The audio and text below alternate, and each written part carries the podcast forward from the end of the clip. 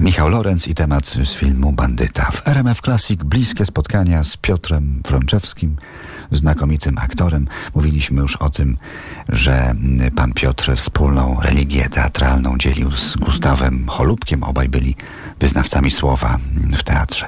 Wracając do kina, około stu filmowych ról zagrał tam Piotr Frączewski. Z jego doświadczeń wynika, że jeśli teatr jest domeną władzy aktora, kino to inny świat, gdzie aktor często narzędziem w rękach reżysera. Kino, polskie kino to w ostatnich latach, jak się zdaje, świat mniej dostępny, mniej przyjazny niż kiedyś dla Piotra Frączewskiego.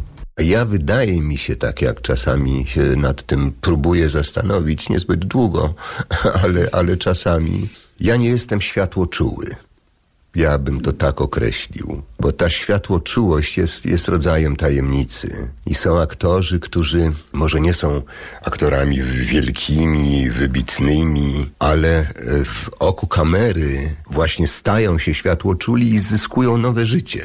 Jak gdyby prawo właśnie do bycia tam. W naszym kinie może w mniejszym stopniu, ale głównie w filmie za zachodnim, amerykańskim, bo to jest przecież ich narodowa sztuka, jeśli tak można powiedzieć.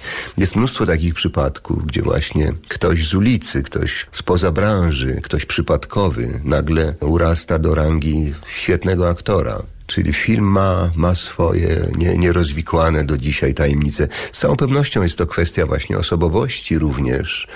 Tylko, że to wszystko trzeba umieć opowiedzieć. Takiego aktora filmowego to jest mój podstawowy zarzut do kinematografii polskiej, że film polski nie, nie opowiada aktora. On korzysta z niego oczywiście, pokazuje go, ale go nie opowiada. Nie wyzyskuje wszystkiego tego, co by można tak, było. Tak? tak, nie jest w stanie go do końca prawdopodobnie rozszyfrować, posłużyć się nim.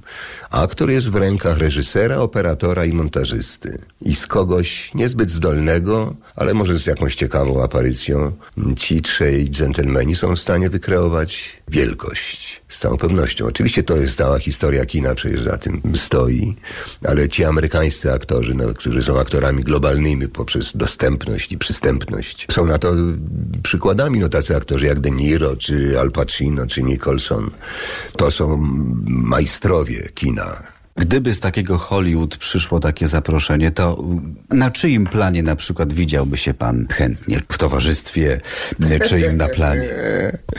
To strasznie trudno powiedzieć. Ja tylko tak właśnie obserwując film amerykański, odnoszę takie wrażenie właśnie, że na przykład u Scorsese'ego grają prawie ci sami aktorzy. To podejrzewam wynika z jakiejś głębszej i bardzo szczególnej ich relacji, ich znajomości, być może ich przyjaźni. Poza tym podstawą sukcesu filmu wydaje mi się w, no, w co najmniej w 70-80% jest scenariusz, czyli historia, jaką chce się opowiedzieć.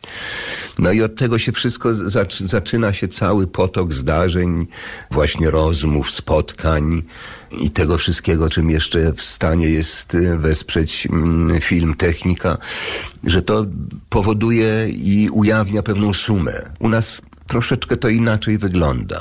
No ale jak zadzwoni Scorsese do nas do redakcji, to będę to wiedział, gdzie przekierować. Skawie mój numer telefonu.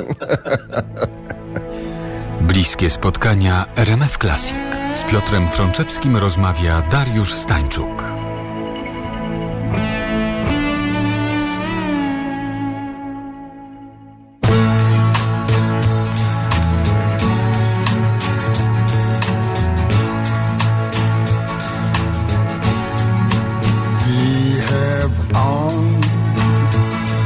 Time in the world. Time enough for life to unfold all the precious things love has in store. We have all